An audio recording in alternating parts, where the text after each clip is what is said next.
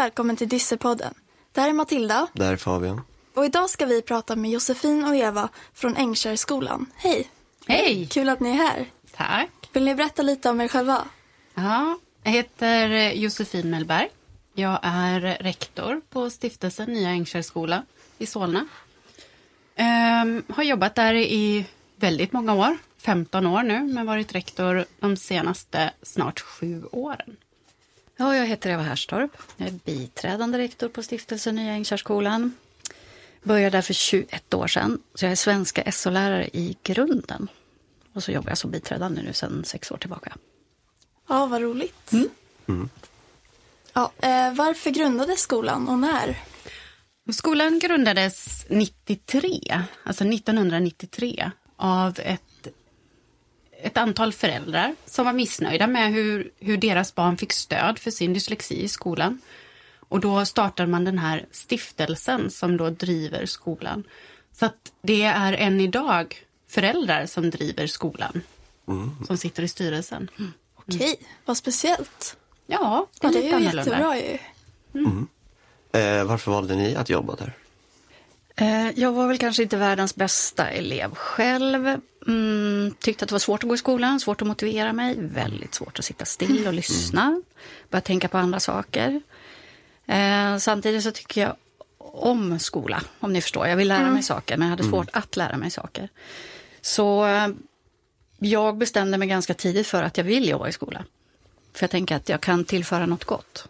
Och framförallt så handlar det om att jag vill utgöra skillnad. Det är en jätteviktig del i varför jag har valt att bli lärare. För att, att klara av skolan är så viktigt för resten av ett barns liv. Och kan jag göra något gott i den processen så vill jag vara delaktig i det. Jag tycker det är jättehäftigt. Vad härligt. Vad har ni lärt er genom att jobba på, där, på Ängkärrskolan? Massor. Jag tror att det jag har lärt mig mest på Ängkärr, det är att lyssna på eleven. För att många gånger, alltså våra elever som kommer till oss, de har haft en ganska jobbig skolgång. Under många år så har de misslyckats på sin gamla skola. Man har säkert försökt som elev att förklara vad jag har svårt med och personal har inte lyssnat. Eller man har helt enkelt inte resurser att hjälpa eleven på plats. Eh, Och när de kommer till oss så är de ganska, så de har en tung ryggsäck att bära på. Och för att ens få kontakt med en elev som tycker att skolan är skitpissig, rent ut sagt, så handlar det jättemycket om att lyssna. Och lita på att en elev egentligen vill lyckas i skolan. Och att de har väldigt mycket kunskaper själva om hur de skulle vilja att deras skola ser ut. Det är nog det jag har lärt mig mest på Vad Ängkärr. härligt. Eh, vad är det roligaste med ert jobb? Att möta elever. Absolut. Det är ju, alltså, ni, har ju, ni går ju själv på skolan, det är en väldigt speciell miljö. Skola är så eh, otroligt levande. Det finns så många olika karaktärer, det finns så många olika typer av elever och personal ska vi inte tala om. Verkligen. Ehm, så det händer så mycket under en dag. Och det är som jobbar du på skola, oavsett om du är resursperson, elevassistent eller lärare eller, eller biträdande rektor eller rektor, så får du ta en massa beslut hela tiden. Och det ska gå rackarns snabbt och man ska liksom... Det ska vara så bra som möjligt för så många som möjligt. Eh, och det är, det är otroligt spännande. Eh, och lärorikt och utmanande. Man utvecklas väldigt mycket själv eh, som person tycker jag när man arbetar som lärare generellt, men kanske ännu lite mer när man jobbar med elever som har svårt i skolan. Ja, men eh, har ni någon specialutbildning för att jobba med det här eller, och i så fall vilken? Nej, det har vi ju egentligen inte. Vi Eh, fröknar. Inga fröknar. Vi, vi har såklart vidareutbildat oss eh, inom organisationen. Vi har väldigt mycket fortbildning, både internt och, och folk som kommer till oss och föreläser. Eh, vi har ju ett antal specialpedagoger som har en, en eh, gedigen utbildning inom specialpedagogik. Men det är eleverna som lär oss. För att ingen är den andra lik. Så. Nej. Men däremot kan man väl säga att jag tycker nog att lärarutbildningen borde ha bättre eh, koll på vad det innebär att ta emot elever med dyslexi, NPF överhuvudtaget. Så det vet ju ni också när ni är ute på skolan, att olika lärare har olika kunskaper om eh, vad det faktiskt innebär att ha dyslexi till exempel. Ja men verkligen. Eh, Jag känner också det att alltså, typ alla lärare jag har haft har gärna velat hjälpa. Men det är ju inte så många som har vetat hur de ska göra eller, eller frågat vad jag behöver egentligen. För du har kunnat sätta ord på vad du skulle behöva. Oftast i alla fall. Ja. Det, är, det skulle jag ändå säga. Ehm, Jag vet liksom vad jag tycker är bra och roligt. Så att, ehm, ja. Det, För jag tror också det, det vi ser mycket i min tjänst så ingår det att jag gör skolbesök på andra skolor där jag tittar på elever som står i kö till vår verksamhet. Och där ser jag, alltså det finns otroligt många duktiga lärare. Men man ansvarar för 30 elever och det är säkert 10 av de här eleverna har olika svårigheter i skolan. Det behöver inte bara vara diagnoser utan man kanske har jobbigt hemma och så vidare. Men att de är väldigt ensamma i det här. Och så finns det en specialpedagog som är jätteduktig på dyslexi och försöker lära eleverna att använda datorerna som eh, hjälpmedel och så. Men sen när eleven kommer ut i klassrummet så är det ingen annan än jag som har den där datorn som extra stöd. Och så vill man inte använda den. Och så glömmer man bort hur man ska använda den och så vidare. och Så vidare. Så det blir liksom stöd som, som inte används hela vägen ut. Känner ni igen er i det? Jo, men absolut. Eller framförallt så här att man kanske hade kunnat gå iväg och diktera men man kanske ändå inte gör det för att det känns jobbigt eller det känns som ett extra, extra grej. Liksom. Ja. För det märker vi mycket på eleverna som kommer till oss. Att, att gå till spess på den gamla skolan, det var ett straff. Okej. Att gå till spess hos oss kan ofta handla om att, ja men bra, jag får lästräna. Men då försöker vi också lägga spessen på lektioner som kanske inte är den, den roligaste lektionen för den eleven. Nej. För man upplever att man missar så mycket roligt med klassen när man går iväg på spess. Eh, och det tror jag också är en stor nackdel med eh, hur det ser ut på skolorna idag. Att man, ja, det, är ganska, det här skulle jag kunna prata om hur länge som helst, skolpolitik. Men det ska jag inte ägna mig åt för då kommer jag inte sluta prata. Men, men eh, för stora grupper ehm, och, och som jag började här med att, att lärarutbildningen behöver bli bättre på att förstå vad dyslexi är och hur man kan hjälpa elever. Och att dyslexin ser olika ut för olika Ja, individer. Verkligen. Och också de lärarna som redan är utbildade skulle ju behöva eh, få lite mer information. Absolut. Ja, utbildar ni lärare hos er för att utvecklas? Ja, internt gör vi ju det. En del av vår verksamhet handlar ju ganska mycket om att barn kanske lider av psykisk ohälsa eller man har svårigheter i sociala relationer. Och där personal får utbildas i olika samtalstekniker. Eh, För att få stöd i att hantera frustration och ångest. För att man upplever att man misslyckas hela tiden. Eh, Och det är väl mycket sådana saker som, som vi internutbildas i. Kunskap om de olika diagnoserna överhuvudtaget. Så. För nu är det så att vår skola är ju inte bara en dyslexiskola som vi var 93. Utan nu, är, nu är vi ju mer en resursskola som vi har fokus på språk och dyslexi och språkstörning. Men våra elever har också andra diagnoser. Jag tänker också att det är en, en sanning med modifikation. Jag jobbade på skolan, jag har jobbat så länge, så att eh, även back in the day så var det ju kanske andra diagnoser som också gjorde att eleverna var där. Det behöver inte alltid vara dyslexin som är den största svårigheten. Nej. Jag tror att, att man har dyslexi light och har det hyfsat bra hemma och, och hyfsat bra lärare så kan man klara av grundskolan utan att gå på Ängkärrskolan till exempel. Men har man det i, tillsammans med en annan diagnos och man börjar må lite dåligt över att mm, alla blir snabbare klara än jag och sådär. Då, det är då det blir en nedåtgående spiral. Ja.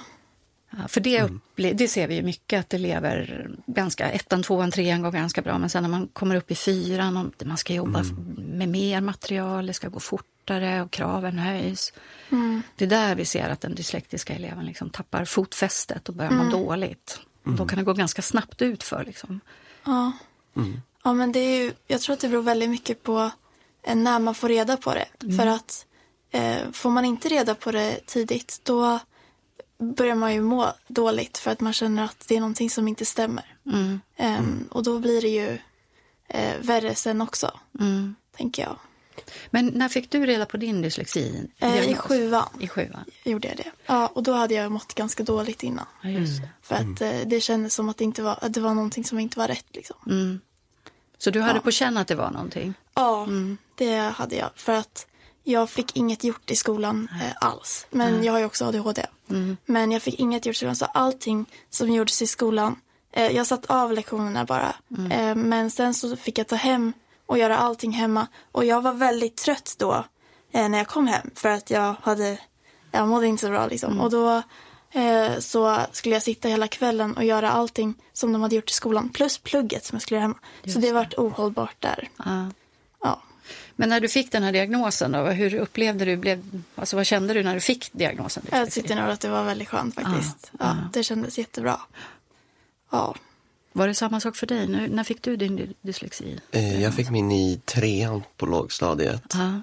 Eh, och jag kommer ihåg att jag tyckte det var jättepinsamt att använda de här hjälpmedlen. Ja, Så precis. det, så det är fortfarande vissa hjälpmedel som jag inte använder. För jag använde inte dem i början. För jag tyckte det var lite jobbigt liksom. Men nu, nu tycker jag inte att det är jobbigt att använda. Men det är bara att jag lärde mig aldrig att använda vissa från början. Så nu tycker jag bara att det är konstigt och onaturligt att börja med det. Men jag tänker att det kan, för vilken årskurs går du i? Ni, nian eller? Ja, nian. Jag tror att det kan hjälpa dig att börja öva på dem redan nu för att ha som en, vi brukar kalla det för en verktygslåda när man kommer till gymnasiet. För där blir man ensam med sin studie, sina studier på ett helt annat sätt. Så det kan vara en idé att liksom kanske gå till logopeden eller prata med specialpedagogen ni har nu och börja öva på dem igen. För att det är väl det våra elever som kommer tillbaks tackar oss för. De hatar det när de går hos oss. Clara Reid, åh, den jobbiga rösten. Ehm, Men sen när de kommer upp på gymnasiet och har massor med sidor som de ska ta sig igenom. Att ja, men det är det som hjälper mig. För det handlar om att spara hjärnan lite grann. Liksom. Man kan Ja. inte både läsa, förstå, avkoda, förstå texten, komma ihåg, läsa instuderingsfrågor, skriva svar. Alltså det är en jätteprocess för en dyslektisk elev. Och kan man ta bort vissa av de här delarna så mm, med hjälp av Clary eller Stavar X eller vad det nu är man använder så tror jag att det är hälsosamt för hjärnan. Lite mer ork. Eh, Men har ni funderat på att starta flera sådana här eh, skolor? Nej, Såna här resursskolor? det har vi nog inte. Nej. Vi har fullt upp med den vi har. Jag tror, nu är vi inne på skolpolitik igen. Ehm, Att starta skolan nu när det finns så extremt få utbildade lärare är eh, lite att skjuta sig själv i foten. Det gäller att bara hålla ihop den egna verksamheten och hitta behöriga, duktiga pedagoger. Nej, Det är jättesvårt att hitta lärare. Jättesvårt att hitta lärare. är det. Hur många elever går på skolan? Vi har 113 elever i år. Från årskurs 5 till 9. Okej. Ja, hur stora klasser är det? Vi har rätt stora klasser ändå. Vi, vi har 15 elever i våra klasser. Eh, och det är ju inte så stort om man jämför med en vanlig skola. Men om man jämför med en resursskola så har vi rätt stora klasser. Men då har vi alltid två legitimerade lärare på lektionen. Och sen har vi en till två resurser på varje lektion. Och sen har vi en specialpedagog som jobbar med två klasser, alltså 30 elever. Så vi är väldigt personaltäta. Vad härligt. Ja, men då behöver ju alla antagligen specialpedagogens hjälp. Ja, det är ju så. Det finns ju liksom ingen elev... För att gå på Ängkärrskolan så måste det ha varit ohyggligt svårt på sin gamla skola. Och man måste ha haft hjälp av specialpedagog eller stöd av elevassistent. Vi kallar elevassistenter för resurspersoner. Eh, Så att man vet att den gamla skolan har gjort sitt. Eh, Och ser man fortfarande ingen utveckling, ja, men då kan det vara aktuellt att komma in på Ängkärrskolan. Okej. Ja, har ni dyslexi eller någon annan diagnos? Nej, det har vi inte. Och inga diagnoser på papper. Jag försöker vara tyst här nu. Ja, Jag har dyskalkyli, absolut. Jag lärde mig eh, klockan på högstadiet. Ehm, och har extremt svårt för siffror. Ehm, jag tror att jag har ADHD också. Men Mm. det, jag har försökt att bli utredd men de vägrar gå vidare i ärendet. Men finns det fler dyslexiskolor? Inte vad vi vet. Vi vet att för något år sedan så var det en skola ute på Djurgården tror jag. Så Norra Djurgårdsstaden. Ja, just det. Men jag tror inte att de finns längre. Nej. Ja, man kanske måste vara väldigt bra om man ska jobba med så specifikt. Ja, men hur utvecklas ni alltså som skola när ni är så ensamma i inriktningen? Bra fråga.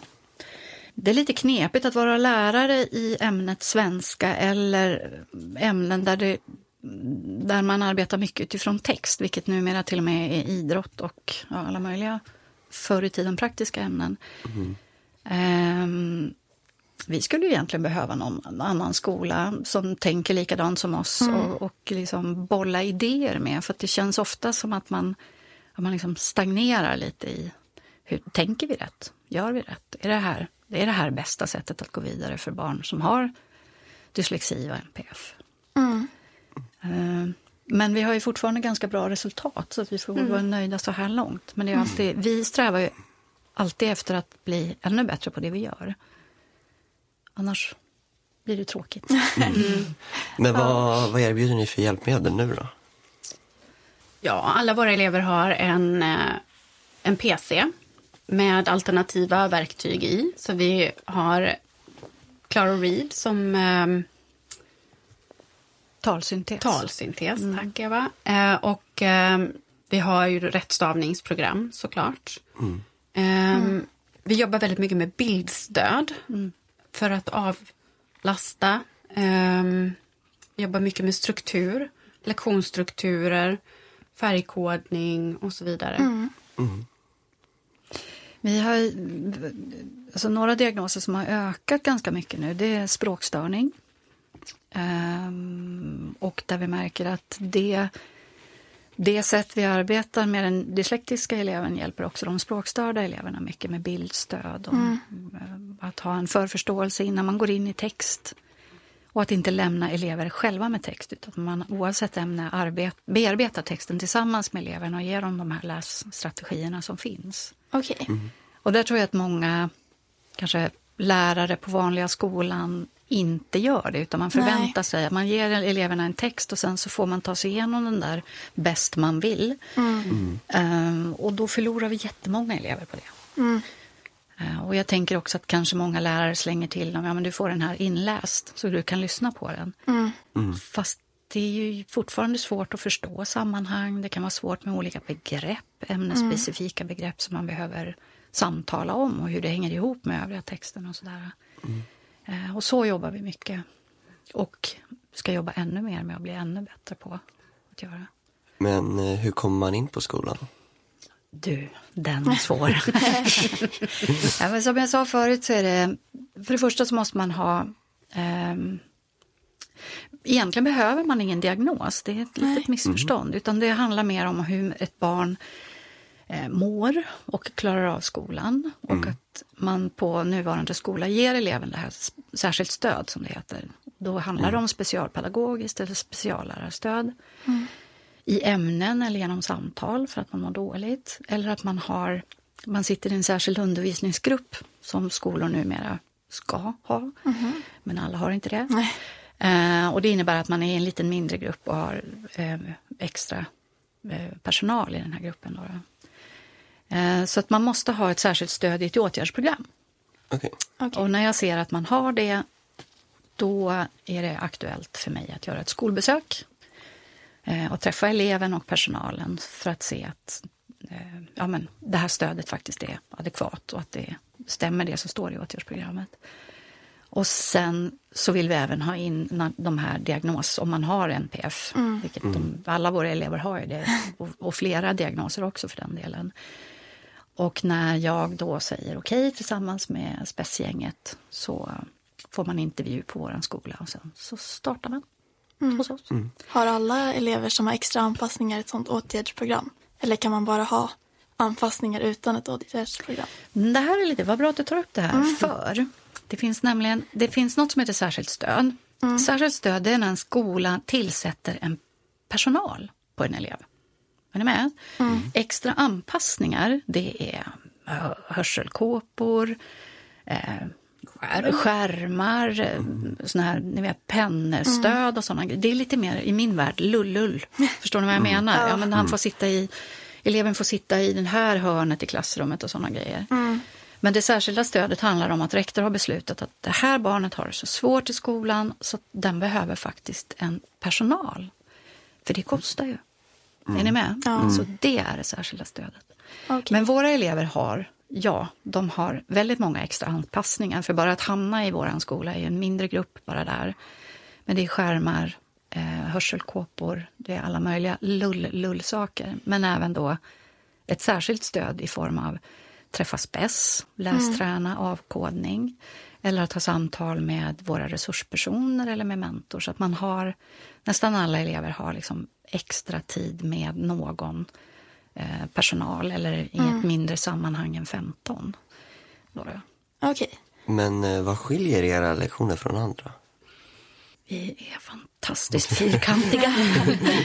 vi är väldigt fyrkantiga. Det är från det att eleven kliver in på skolan egentligen på morgonen så är det ganska styrt. Många av våra äl- äldre elever tycker att det är lite tråkigt för att det är så fyrkantigt. Men det det är... Vi har ju de här extra anpassningarna med färgkodning och så. Men vi startar varje morgon med en gemensam genomgång av så här ser dagen ut. Eh, är det är det vikarie så använder vi oss bara av personal som redan arbetar på skolan så att all personal är känd för eleverna. För att många har redan svårt att vara i skolan och kommer det någon ny människa som inte känner till att jag kan inte läsa högt. Jag, jag kan verkligen inte läsa högt inför någon. Det räcker ju med att någon vikarie kommer in och kräver att du ska läsa högt och så är det kört sen. Man pallar liksom inte. Och sen så har vi varje lektion ser egentligen samma likadan ut. Vi har en lektionsstruktur som man följer oavsett ämne så att det ser likadant ut. Man avs- påbörjar och avslutar lektionen likadant. Så det är väl egentligen det. Men hur blir man en eh, dyslexiskola? Får man ett certifikat? Nej, Nej, det tror vi inte. en djungel. Ja. Hur jobbar ni med hemmasittare då? För det är ju ett ganska vanligt problem. Mm, vi har en, ett antal elever eh, som har en problematisk skolfrånvaro. Vi har väldigt många elever som kommer från en problematisk skolfrånvaro där man tidigare har suttit hemma kanske en termin eller mer än så. Vi har, förutom då våra fyra specialpedagoger som, som jobbar i årskurserna med eleverna, så har vi en specialpedagog som bara jobbar med problematisk skolfrånvaro. Okej. Och det handlar väldigt mycket om att kartlägga eleven, vad man har för, vad det är som gör att det är svårt att komma till skola. Det kan handla om så många olika saker. Eh, Det kan vara en händelse, det kan vara ångestrelaterat, det kan vara ja, vad som helst. Jag tänker just den här känslan med alltså, det här med att det, det funkar i ettan, tvåan, trean. Men sen när kraven höjs i årskurs fyra och man plötsligt ska läsa hela det där pappret själv och börja svara på instuderingsfrågor så går det långsamt när man skriver. Alltså den här känslan av att mm, jag är inte som andra. Och så börjar man den nedåtgående spiralen med att jag, jag är sämre än andra. Och, och så hamnar man i det här att må dåligt. Och det är ganska vanligt faktiskt hos många av de här hemmasittande eleverna att de fastnar. Jag tänker på din vändning där, att, att ja, men dyslexin blev en hjälp för dig att kanske få stöd och, och en förståelse och orka komma tillbaka till skolan. Eh, för de elever som inte får det eller som tycker att det är svårt att, eh, eller är svårt att acceptera diagnosen. Eh, där kan det bli jättetufft att komma tillbaka till en, en skola igen. Och då behöver vi förstå. Mm. Det är första steget. Sen jobbar Maria, ja Maria heter hon. eh, hon jobbar väldigt mycket utifrån vad barnen och eleverna har för behov. Helt det enkelt. Det, kan han, det kan handla om att åka hem. Det kan handla om att träffas på ett fik eller på eh, bibliotek. Det kan handla om att vara på hennes rum eh, och spela spel. Eller att eh, börja jobba med uppgifter. Eller bara att finnas till. Veta att man alltid kan, kan ta hjälp och stöd. Det låter jättebra. Då kan man också stegvis börja, som du sa, det här med att, att, att göra saker som man tycker om att göra. Men har vi en elev som inte pallar skolan men som tycker om matematik, ja, men då kan Maria börja spela matematikspel med dem och så ökar vi på och man får uppgifter och så ökar vi på och så kanske man kan börja med nästa ämne. Så man introducerar ett ämne i taget och så går vi väldigt försiktigt fram. För det här är ju Ja. det är unga människor som mår så fruktansvärt dåligt så att man inte orkar och har förmågan att ta del av, av livet. Så det är en, en väldigt jätteviktig uppgift vi har. Ja, ja men när man hamnar för mycket efter då blir det ju, då blir det ju en vägg typ. Ja. Det går inte längre och då, det är då man börjar må dåligt. Ja, Ja, men eh, det, för att komma in på den här skolan måste man ha gjort ett visktest. Kan ni berätta lite vad det är? Ja, det måste man inte ha gjort. Eh, Ett visktest gör man när man gör en NPF-utredning. Eh, Och det handlar ju om att ta reda på vilka styrkor och svagheter som man har i sin inlärning. Eh, Så att vissa har gjort det, alla har inte gjort det. Har man bara dyslexi så har man inte gjort ett visktest. Då har man gått till logoped för att få sin diagnos. Eh, Men däremot så är det ett bra underlag för oss att ha eh, när vi tar in elever. Att se vad, vad är det som, som är svårt och vad är det som är en styrka. Eh, För vi vill ju jobba på styrkorna. Eh, och eh, vi behöver anpassa där det är svårt. Det vi ser i våra elevers visktest är ju att arbetsminne är någonting som är svårt. mm. Medan andra delar kan vara, den verbala förmågan kan ibland vara jättehög. Exempelvis. Och så så att det, det är bara en del utav eh, det som Eva tittar på när hon plockar in elever till skolan. Men eh, hur hjälper ni era elever eh, fram, alltså vidare till till exempel gymnasiet? Ja. Vi har eh, en helt fantastisk SYV, studie och yrkesvägledare. Eh, det handlar ju om att hitta rätt. Eh, att lära känna sig själv och veta vad vill jag och vad, vad klarar jag av? Att inte hamna i ett sammanhang som är för svårt för mig. Eh, men att ändå hitta ett ställe där jag tycker det är kul och meningsfullt att vara. Många av våra elever väljer att gå till praktiska yrkesprogram. En del väljer eh, att läsa studieförberedande program också. Vi gör en, en, eh, en enkät eh, när eleverna går i årskurs två på gymnasiet för att se lite hur det går för dem. Och vi, vi är väldigt stolta över att majoriteten går kvar på det programmet som man har valt. Man går på gymnasiet och man, man har en plan att avsluta gymnasiestudierna. Så att, Det är eh, jättehärligt ju. Ja, det, det är ett kvitto på att vi ändå gör någonting som är bra. Men Jag tänker också att vi har en, en personal, en fantastisk personal som verkligen hjälper. Du går ju i nian nu, eller hur? Du vet ju hur det är med den sista terminen i nian och du har varit där med alla nationella prov och den stress det innebär. Ehm, och vi har ett väldigt duktig, lyhörd personal eh, men som ändå vågar ställa krav. För även om man har svårt i skolan så behöver man göra vissa saker. Nationella proven är ju en sån del. Eh, alla behöver ju inte göra, men så många som möjligt ska försöka göra det, tänker vi. Eh, men också att hjälpa elever att ta igen rester. Det du pratar om, att, att alltså lider man av psykisk ohälsa så har man ju perioder när man på riktigt inte har förmågan att klara av prov eller stressiga situationer eller kanske ens orka komma till skolan. Men då har vi personal som är duktiga på att, att se till att de här resterna som blir, eh, att man betar ner dem och hjälper eleven ta igen alla de här resterna. För annars så blir det den här väggen av uppgifter som, som ja, men det är kört. Det är ingen idé att komma tillbaks längre. Och där vill vi absolut inte hamna. Så vi är, personalen måste jag säga är väldigt, väldigt duktiga på att hjälpa eleverna igenom det här berget av uppgifter och nationella prov och söka gymnasium och allt vad det är för någonting. Det är så mycket i nian. Ja. Men eh, vad innebär det att ni är en sti- stiftelse och inte en kommunal skola? Alltså att vi är en stiftelse.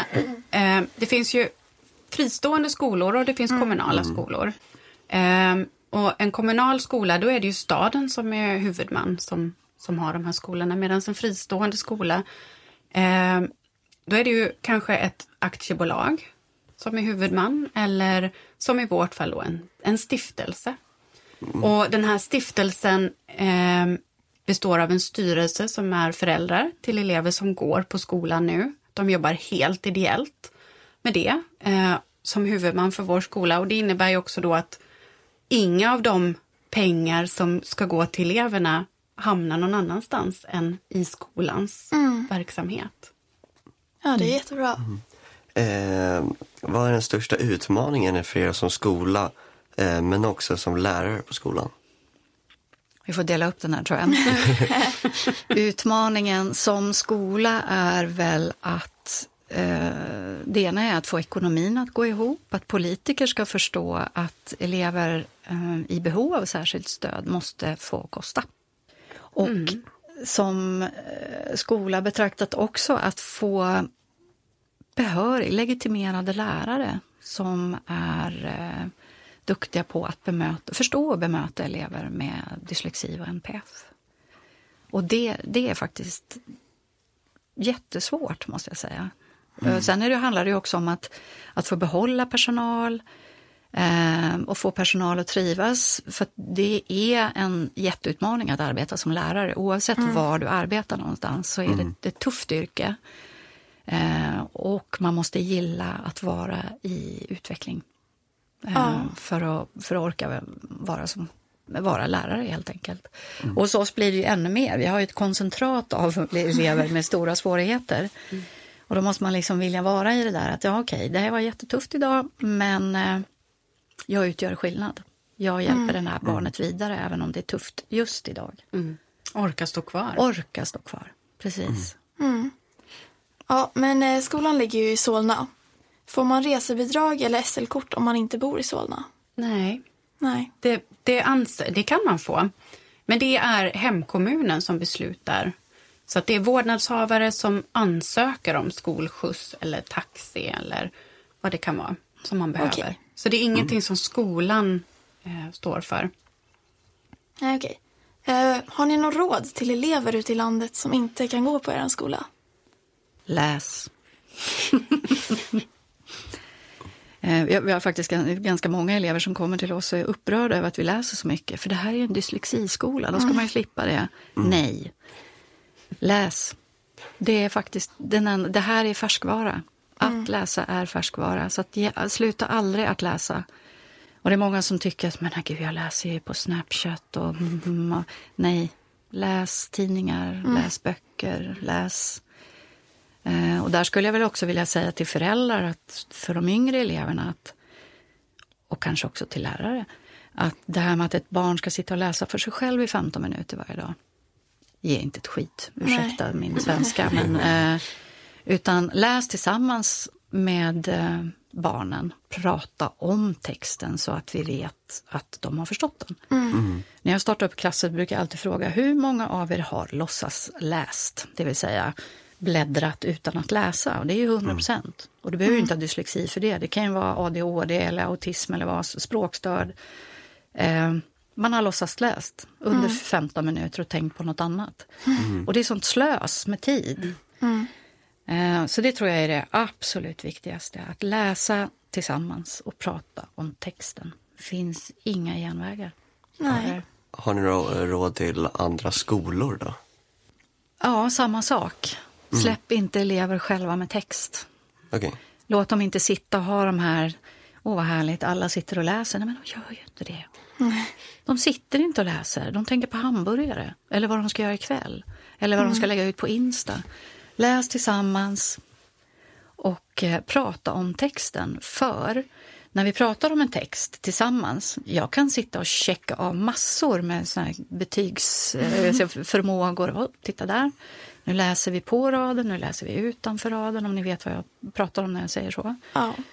Och man kan liksom samtala om saker som står i texten och du kan genom din förståelse och tolkning av texten lägga till, ja men så här tycker jag, det här upplever jag, det här är min erfarenhet av det här. Det är massor som händer när man läser tillsammans. Det är mitt budskap till alla lärare där ute. Mm. Läs tillsammans med eleverna. Lyssna på eleverna, Ja. Som vi pratade om innan. Precis. Eh, vi brukar kalla det för att vuxengissa. Mm. Eh, vi, vi vuxna tror oftast att vi vet svaret, men, men det gör vi ju väldigt sällan. Nej. Men ni har svaren. Mm. Så att, eh, börja lyssna, börja ställa frågor och Mm. lyssna. Ja. Nu börjar det här avsnittet eh, gå mot sitt slut. Är det någon som har något mer att lägga till? Nej, kul att vara här. Ja, Jag tyckte det var jätteläskigt, Ja. men det var, det var kul. Och vad ni är modiga och kloka. Tack. Tackar. Ja, tack för att ni kom och tack till dig som har lyssnat. Har du idéer på vem vi ska intervjua eller frågor? Kontakta oss på hej ftb.se. Följ oss gärna på Instagram och vi finns där poddar finns.